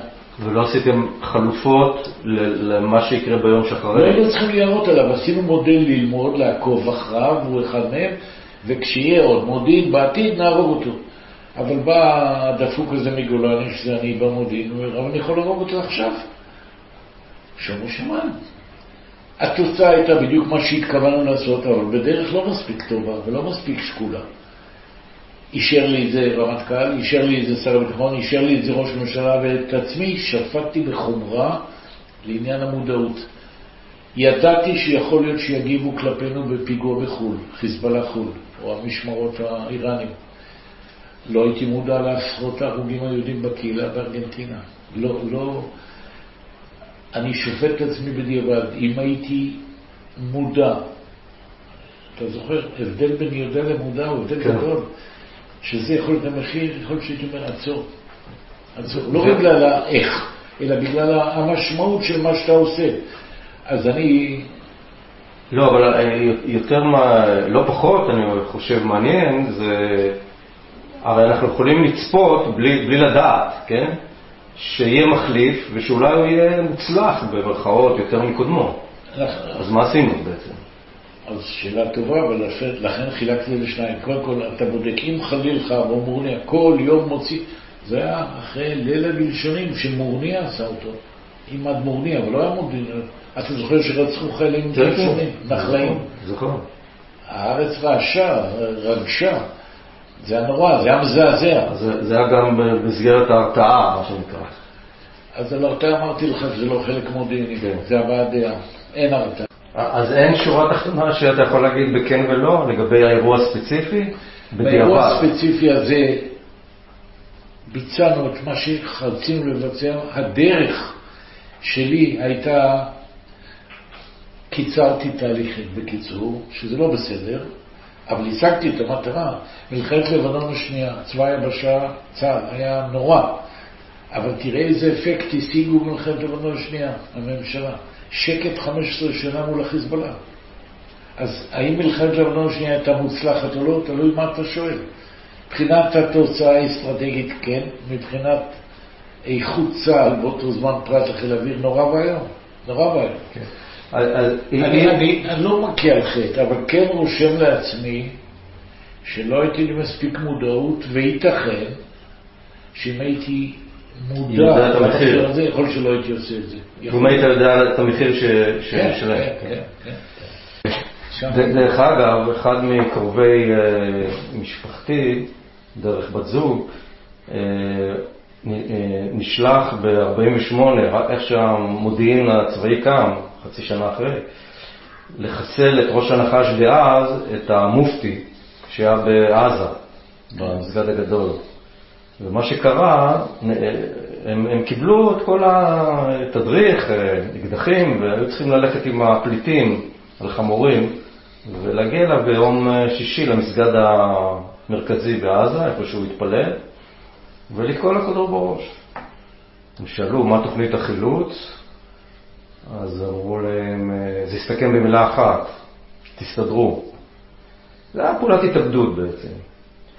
רק מה שקרה זה שהמצרים עצרו את, את המופתי ולקחו אותו לקהיר. זאת אומרת, הוא, הציפור יצא מהכלום. Okay. כן. ואני חושב שזו הזדמנות יוצאת דופן שההיסטוריה נותנת לנו לראות תוצאות של מעשה שלא קרה. זאת אומרת, מנהיג העולם הערבי מת, חולה, בזוי, נידח, נזרק לפח האשפה של ההיסטוריה, גם לפי האתוס של עמו. Okay. אז זה הזכיר לי את מדיניות החיסולים, שלפעמים אתה יכול לראות מה, מה קורה בפעולה שלא הצליחה, נגיד ככה, מבחינה מבצעית. אז אני יכול, אה, אתה נוגע בעקיפין בלי להוסיף גם במושג האחריות. מה רוצה לומר? הרי ישראל ניסתה לתכנן מבצע לחיסול סדאם חוסיין. נכון. עבדך נאמן התנגד. קול קורא במדבר. רבין, לפי הערכתי, הבין אותי מצוין, אבל נתן להמשיך להכין אותו. כמעט אין לי ספק שהוא לא היה מאשר, כי ההסתכלות שלי, זו יחידה שלי, כן. סרט מטכ"ל, אבל אני לא הייתי אחראי לה, כי הייתי אחראי על מבצע אחר באותו זמן. וכבר שמעתם על מה שקרה שם בצאלים מבחינת תאונה, אבל תאונות היו בצה"ל, אני רוצה לגעת לא בזה, אלא בהתלבטות. כן. בכל הדיונים המקדמים אני אמרתי את הדברים הבאים. אסור למדינה בקהילת העמים להרוג ראש מדינה אחרת. למה? הוא אויב, זה נכון, אבל הוא נשיא רק. מחר, אדוני ראש הממשלה, יפילו אותך עם מטוס בדרך, וזה יהיה לגיטימי באותה מידה. שתיים, זאת אומרת, בצד הקונספטואלי פה, לפי דעתי, את זה לא עושים. Not done. שתיים, אין לנו מודיעין כדי לשגר חיילים מעבר לגבול חודשים, ואני ידעתי את דלות הכושר האיסופי שלנו בעיראק, של המוסד בעיקר. Mm-hmm. אפס. לא המוסד אפס, אבל אפס כושר איסופי. כן. אמ"ן דומה לזה, שב"כ זה לא התחום שלו. ואספנו מודיעין מן הגורן מן העקב, אבל לא עד כדי כך להגיד אני שולח חיילים על דבר בטוח. אתה זוכר מה אמרתי על משימה? שהיא תהיה בהירה, אבל שאפשר לבצע אותה. שלוש, ראיתי, כמו שאתה נתת את הדוגמה על עזה, במסגד, שאין לנו יכולת חילוץ סבירה. הם, גם אם הם יעשו את זה, וגם אם הם יצליחו, הם כל כך רחוק שצבא נורמלי, נורמלי, כמו עיראק, כן. לא ירדוף, יסגור, לא, לא בסבירות גבוהה אפשר להחזיר, וחיילים בעיניי הם לא שגר ושכח, לא תסתדרו, כן. אין תסתדרו. משנה הדיון העקרוני, ואני אוסיף לך עוד דיון עקרוני בדיוק על מה שאתה נתת לדוגמה, היא מצוינת. כי לא נגעת, לא נגעת מה המשמעות של מופתי שרוצחים אותו במסגד. באשר למלחמת הדת, שתהיה פה גוג ומגוג, כן. דיברנו על זה בהקשר אחר. גדודי השהיד, שייח' אמין אל-חוסייני. ברור, ברור, הנה עוד אתוס חדש צומח לנגד עינינו. ואפרופו הסיכולים הממוקדים שאתה שאלת, נגעת לי בעצב רגיש בגלל כן. עבאס מוסאווי, שאני מדבר עליו כמובן. עם רון ארד היה כישלון, עד עצם היום הזה, אנחנו לא יודעים איפה רון ארד. בושה. קהילת המודיעין המפוארת לא ידעה, על גלעד שליט לא ידענו איפה הוא, מה אתה רוצה? אבל אז לא הייתי בתפקיד. לא מוסד, לא השב"כ, לא ראש אמ"ן, לא רק אני, עוד לפניי, זה לא היה בזמני שלי. כשאתה אומר שלא ידעו על גלעד שליט, אז מן הסתם גם לא יודעים על החטופים עכשיו איפה הם מוחזקים. מאוד סביר. לא מצוי שם, לפי דעתי לא יודעים. אבל לא יודע, כן. אני לא אדבר על דבר שאני לא כן. מצוי בו. על גלעד שליט לא יודעים. שזה קילומטר מעבר לגבול, קרוב. הבושה והכלימה, אז עלה רעיון, בואו נביא את מוסטפא דיראני. הרעיון, מה עושים, האם מדינת ישראל באמת עושה הכל כדי להשיב את השבויים? שאלה ערכית. התגבש מבצע להביא את מוסטפא דיראני שהוא זה שקלט ראשון את רון ארד בנחיתה, שבה אותו, לימים מכר אותו למשמרות המהפכה האיראנית בלבנון, והייתה לנו ידיעה לא רעה שהוא עד שנה מסוימת, עד מקום מסוים, הוא יודע להגיד לנו אינפורמציה על מקום ממצוא של רון ארד. היה ברור שהמבצע הזה לא מביא את רון ארד, מביא אינפורמציה. כן. ואז עלה דיון ערכי מאוד חשוב. האם, והייתי במיעוט שם, אבל למזלי גם הרמטכ"ל תמך בי וגם רבי. כל השאר, והיו לא מעטים שם, אמרו לא ראוי לסכן חיילים על דבר שהוא לא חילוץ. כן. רבין הכריע, כן, אולי גם בגלל לחץ הציבורי של משפחות. אבל שעה לפני המראה, פחות אפילו, קוראים לי בבהילות לביתו של רבין, הרב אשי חמש, התייעצות אחרונה עוד פעם. ואז הוא שואל אותי, אה, תגיד לי, אתה בטוח שהוא בבית? אמרתי, אנחנו עכשיו יודעים שהוא בבית, כי הוא ניסה לגרור אותי מה יהיה. אתה זוכר השאלה כן, כן. יהיה? הוא אומר, ו... מה יהיה אם בשעה הזאת הוא ילך מהבית? אני אומר לו, יצחק, אבל אומר לו, אני אומר לך, זה שנה, יש לנו פער, אי אפשר לגשר עליו. ואז הוא אומר את השאלה המאוד מפתיעה, תשמע, אני מרגיש לא נוח עם זה, אולי נדחה. ואז אתה רואה את הקרנפים בחדר, ואם ראש הממשלה מרגיש לא נוח, נדחה. ואז הוא שואל אותי, מה אתה אומר? אמרתי, לא, או שתבטל או מבצעים. מה נדחה? מחר אותה שאלה קיימת, אותו דבר. אין לי שעה, אין לי. כן. ואני רואה אותו מתלבט, והקרנפים, ראש מוסד, ראש שב"כ, המזכיר הצבאי, בלי שמות, תחשוב לבד מי, זה לא חשוב? כן. ואפילו רמטכ"ל שמאוד תמך במבצע, אמר לו, תראה, אם אתה לא מרגיש שלם עם זה, אז נדחה. ואז עבדך הנאמן, שכבר הוגדר כפלסטיני עם גנים, אה, קוזקים. כן. אני לא אלים, אבל אני מביע דעה. כן. אני אומר לו, ראש הממשלה, אנחנו שנה מכינים את המבצע. אני חושב שההכרעה שלך שעושים הכל הייתה לנגד עינינו. מחר ומחרתיים לא יהיה יותר טוב. אם אתה מרגיש לא טוב עם זה, תוותר. ואז הוא שואל אותי שאלה שהפתיעה אותי. אתה אחראי? הוא עושה לי ככה, אתה אחראי? פה הבנתי פעם ראשונה מה הוא עושה. הוא מותח לי את גבולות האחריות כדי לבדוק את הביטחון שלי. כן.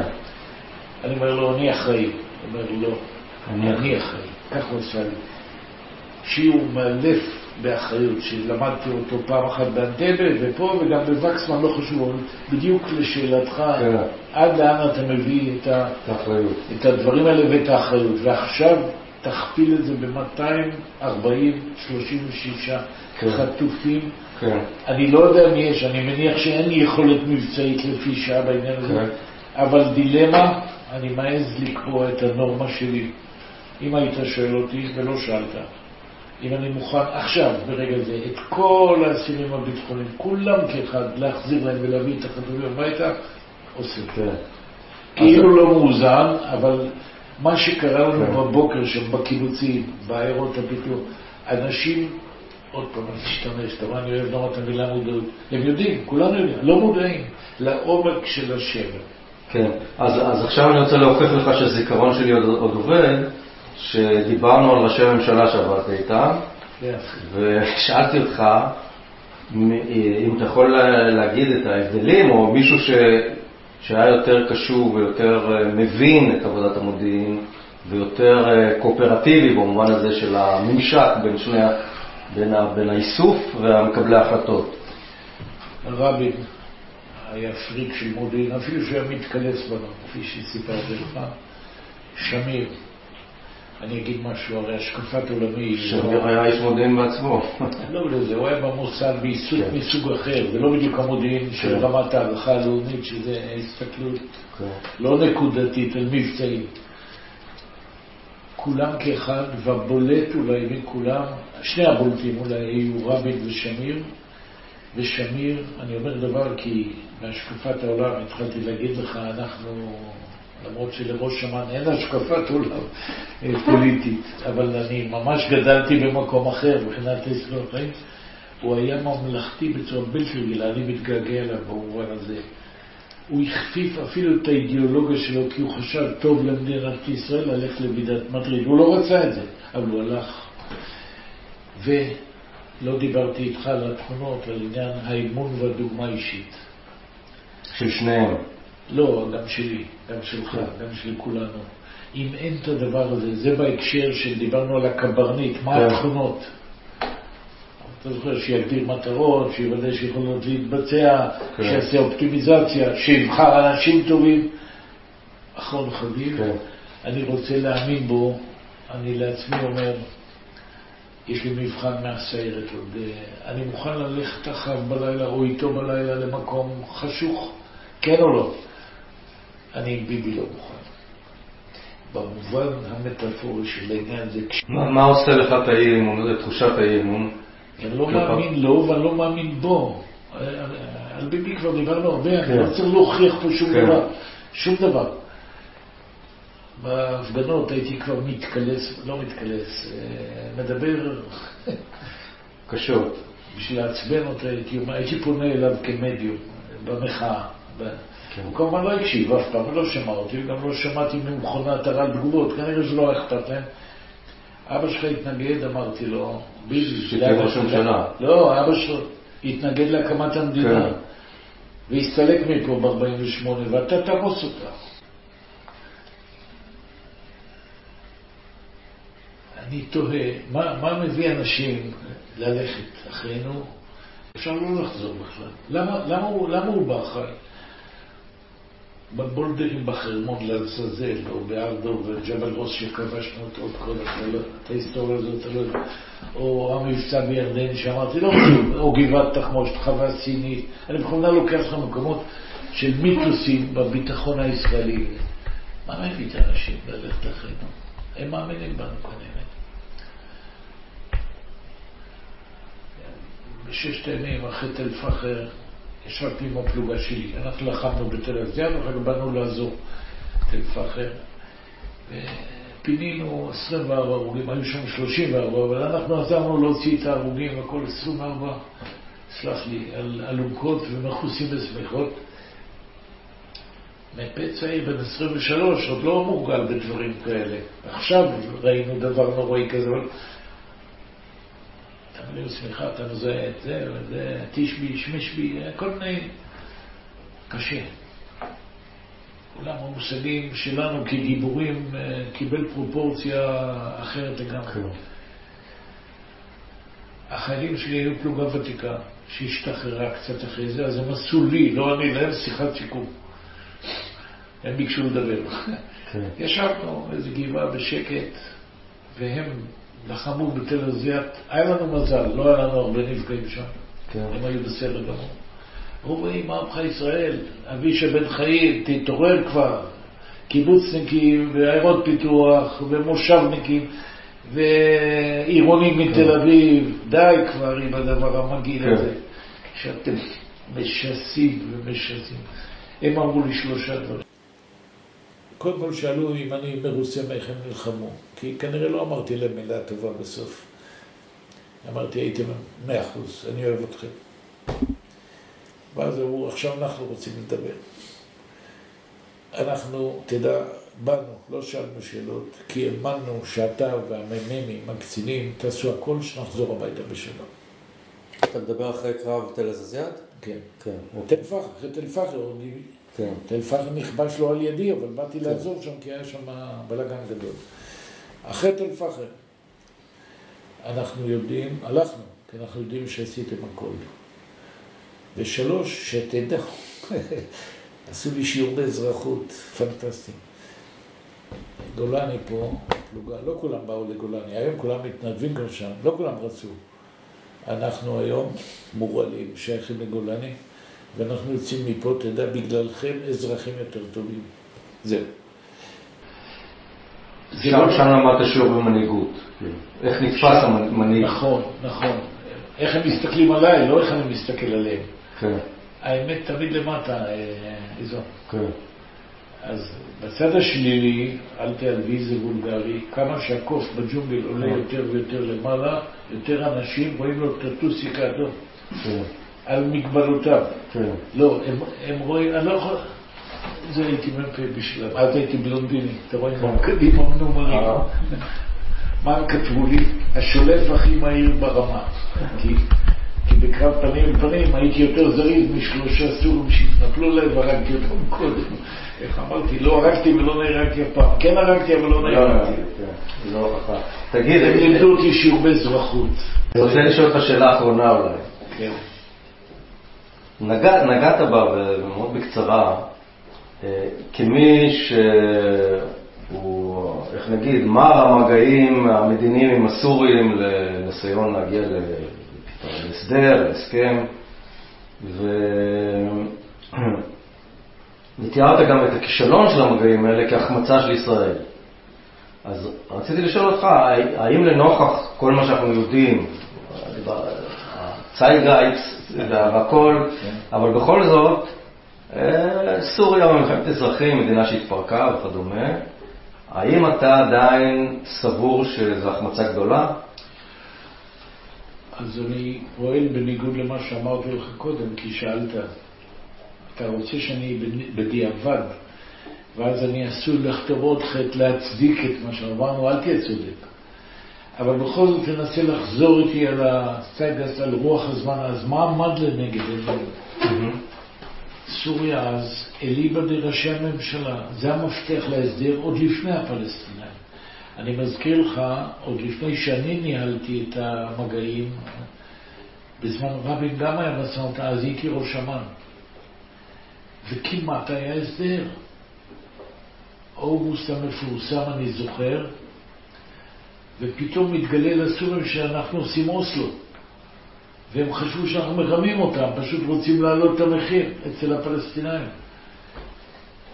והאמריקאים יצאו לחופשה בת שבועיים, כריסטופר, שר החוץ, עם deposit, אם אתה זוכר את המושג הזה, פיקדון, כן. שרבין מתחייב לרדת מרמת הגולן, והאמריקאים הלכו לחופשה שבועיים והפסידו מומנטום אצל חאפז אל-אסד. עכשיו, מה היה? מה היה על הדיון? לא רק הסדרי ביטחון ונטרול אויב מספר אחד, אז הם היו האויב הצבאי מספר אחד שלנו. וכבר ידענו את זה אז, כבר היה שלום עם אה, ירדן, 94. ועם מצרים קל וחומר. ומתגלה לך שהסורים אומרים לא נחכה לפלסטינאים, כמו המלך חוסיין וכמו מצרים, לא חיכו. פעם אמרו רק שלא תיפטר בהפלסטינאים. ואסד הולך לאיראן לקבל אור ירוק ורפסנג'ני. אומר לו, לך על ההליך המדיני, אנחנו תומכים. נכון, פרדוקס. ובמשא ומתן יש עוד התחייבויות. עכשיו, המשא ומתן הגיע לשלבים של החלפת טיוטות. אם אתה רוצה למכור לי דירה ואני רוצה לקנות ממך ואתה ואני לוקחים כבר עורכי דין, סימן שאנחנו רוצים שתהיה עסקה. כבר הסכמנו על העקרונות. רק במאמר מוסגר, מה לדעתך היה האינטרס של האיראנים לתת אה, אור ירוק? אז. אני חושב שהם רצו, אני חושב, הם היו בתחילת הפיתוח של הגרעין. רצו זמן. שקט. תעשייתי. נכון, והם רצו שליטה by proxy, הסורים, ברגע שיש, אבל הסורים גם היו מוכנים להתחייב בהסכם, הטיוטה עוד אצלנו. ששני הצדדים, ישראל וסוריה כאחד, מתחייבים לא לעשות ברית הגנה אסטרטגית עם צד שלישי שהוא נגד אחת מהמדינות. אז, לא, אז עוד לא הייתה ברית חתומה בין סוריה לבין איראן. אז איראן לא היו חברים שלנו, לא להתבלבל, אבל הבינו את העניין, היו מוכנים לפירוק החיזבאללה, לא אמרתי לך. הסורים אמרו, אנחנו מפרקים את החיזבאללה מנשקו, הוא יישאר רק תנועה פוליטית בלבנון. נכסים בעלי משקל. עכשיו, המחיר קשה מאוד לוותר על רמת הגולן, אין ספק, על המחלוקת איזה קו גבול אני עוזב כרגע. כן, זה זניח כן. בשטח, זה לא זניח באתוס.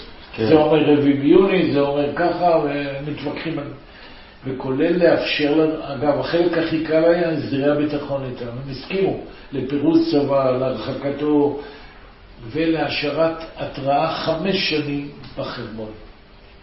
שישראל תישאר שם, אומנם בבגדים אזרחיים כאילו אנחנו אמריקאים. זה היה חלק מההסכם החשאי. כן. זאת אומרת, בשביל הביטחון עושים שלום, כל רמת הגולן מפורזת, אין צבא סורי, הם מקטינים את סדר הכוחות שלהם, הם מפרקים לנו את חיזבאללה, אנחנו יורדים מכל רמת הגולן, זה נכון, יורדים עד הסנטימטר האחרון. אז אתה שואל אותי, בעלות תועלת, האם ההסכם הזה היה טוב לישראל? לפי דעתי כן. גם היום. היום לא, היום אין מה לדבר בכלל בעניין. המחיר הוא, אני אגיד עוד דבר, אולי שיקל עליי לגבש דעה. המפונים, שזה היה בערך 12,000 איש אז, זה לא האוכלוסייה של היום, הם רובם ככולם מההתיישבות הוותיקה. כשאתה הולך למעלה גמלה, ואתה הולך למרום גולן, והולך לעין זיוון וכולם, זה כמונו. זאת אומרת, זה אנשים, היה ויכוחים גדולים שם, אבל היה רוב גם בקרב מתיישבי רמת הגולן לסגת כי אין ברירה. היה. ואגלה לך עוד דבר שאולי אתה לא יודע, בלשכת ראש הממשלה מישהו עבד על הפן האזרחי, לאן הם הולכים משם. כבר היה חיבור, כן. יישוב א' לשם, אם הם רוצים. זאת אומרת, לקחנו את זה מאוד ברצינות. אז בזמן רבין זה התנפץ, אבל זה התנפץ במלוא החריפות בשנת 2000, בזמן ברק. זה- אבל, אבל... אה, אה, אני לא מצטער. אם שאלת, אני לא כן. מצטער. לא, אבל אני, אקשה עליך. למרות שאתה לא, לא אוהב אה, כאילו אה, להתעסק בנבואות ובעתידות, אבל אה, זה לא יוצא מכלל אפשרות, ואפילו סביר שהסכם עם הסורים לא היה מונע את מה שקרה אחר כך, זאת אומרת, את התמוטטות המדינה הסורית. אז אה, לאן. אנחנו היינו מגיעים אם היינו יורדים מהגולן ומוצאים את עצמנו במצב...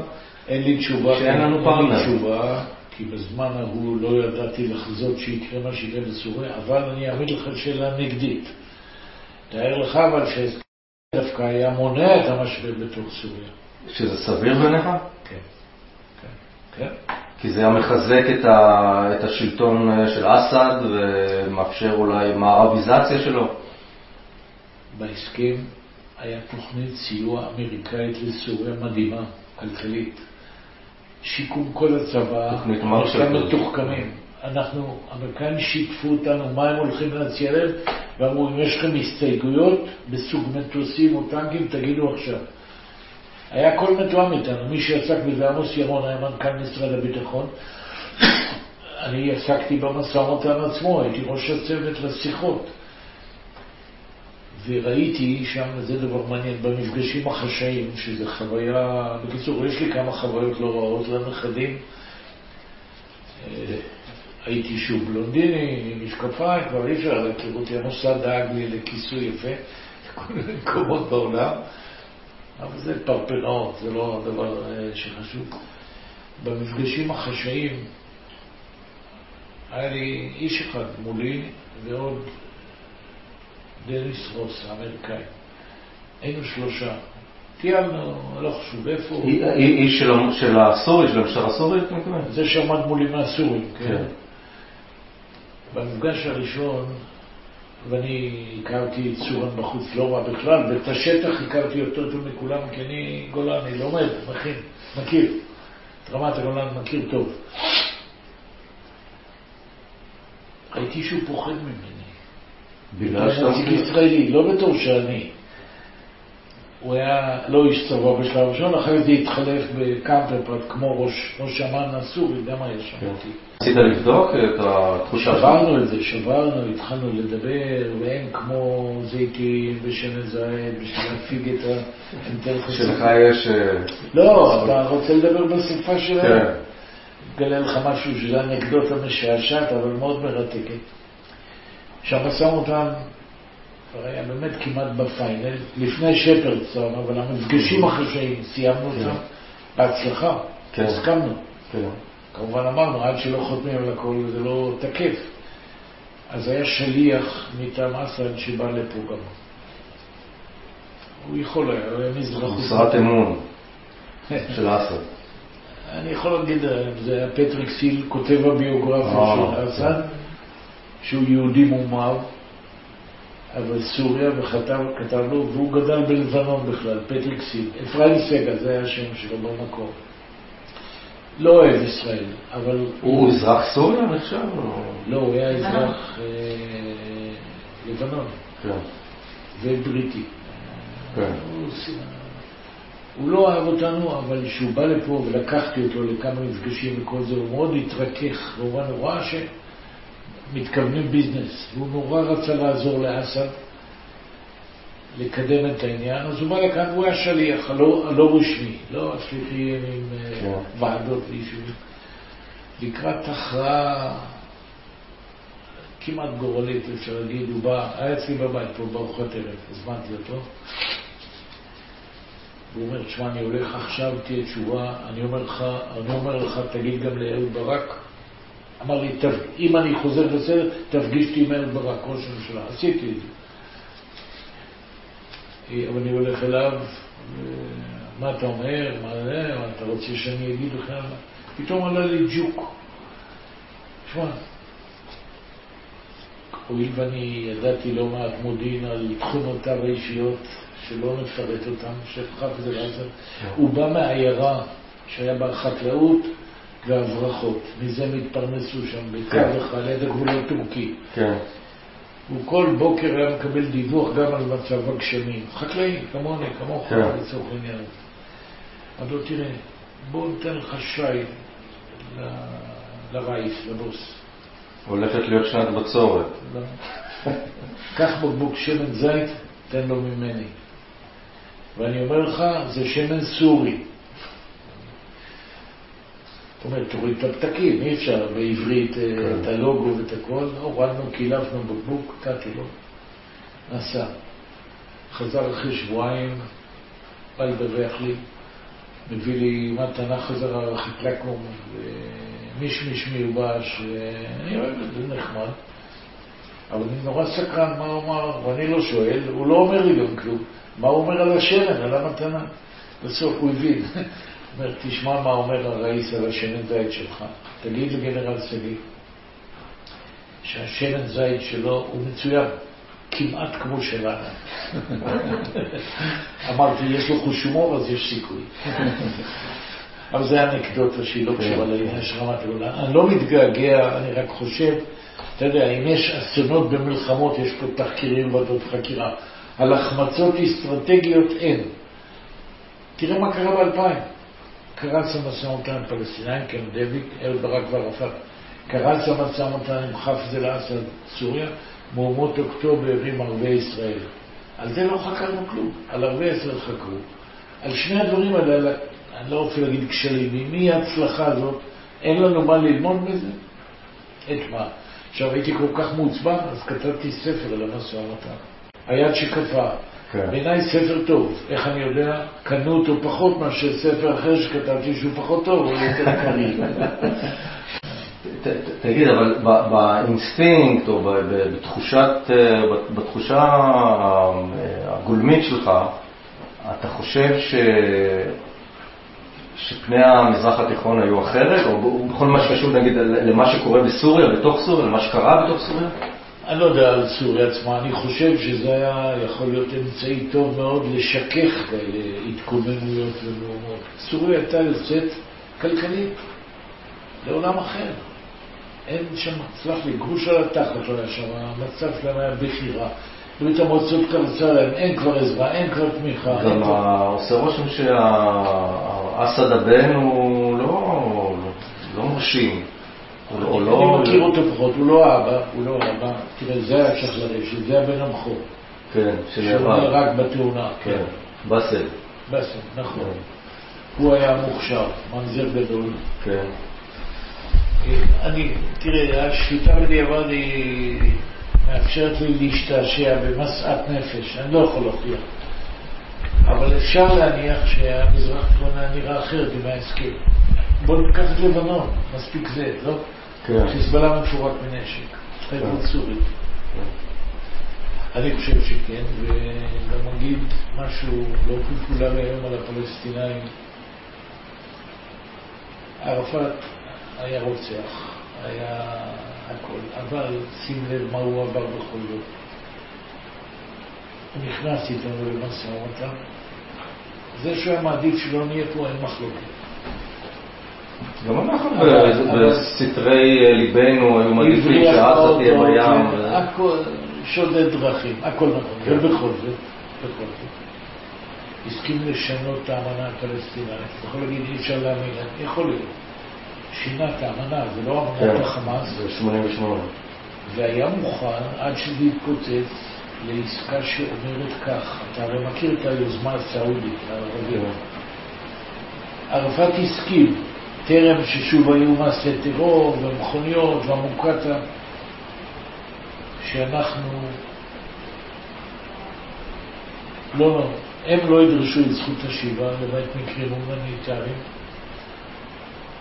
ההתנחלויות לעצור, אבל להכיר בגושי, ארבעת הגושים המפורסמים. ירושלים, גם בירה פלסטינית, אבל שים לב, באבו דיס. אתה חושב שהוא... עוד שנייה, עוד שנייה, כן. תראה מה הוא כן. הסכים. כן. הוא הסכים בדיבור, עוד לא במבחן. המעשה. עכשיו, אתה שואל אותי אם אתה מאמין לו? לא. אבל, אתה יודע, זה רק לא עניין של מדידה אישית, אלא אנשים, אמרתי לך, לא יודעים מה הכוונות של אף אחד, אני לא יודע, אבל יודעים מה אומרים ומה עושים. היינו במצב טוב בהרבה אל מול הפלסטינאים מאשר היום. אתה חושב שהוא היחידי או האחרון שיכול להעביר הסכם כזה מבחינת העם שלו? כן, נכון. הגדרת טוב את העניין. והוא היה, הוא היה מסוגל לספק את הסחורה. כמה שלא היו לו גם כאלה, הוא בסוף היה רעיף. הוא הצליח לתמרן בין כולם יפה מאוד. גם להוריד את החמאס כגובה דשא. תגיד, זה יהיה נכון אם אני אסכם את הדיון שלנו, ש- שההיסטוריה של לפחות אה, 30 השנים האחרונות של מדינת ישראל מסתכנת, מסתכמת בריכוז של החמצות?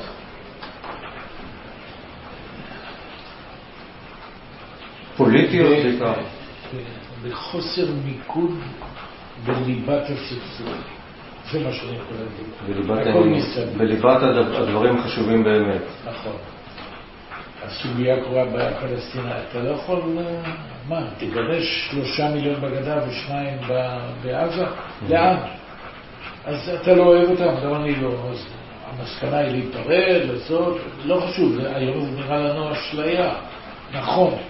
שוב, אפשר לבכות את העבר, היינו במצב טוב בהרבה ב-1996, חמש.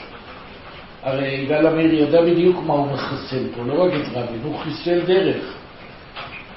הייתה פה דרך ש... בלי אשליות, לרבין לא היו אשליות בכלל. תגיד, אתה הופתעת ממידת האכזריות שהתגלתה בהתקפה ב-7 באוקטובר? כן.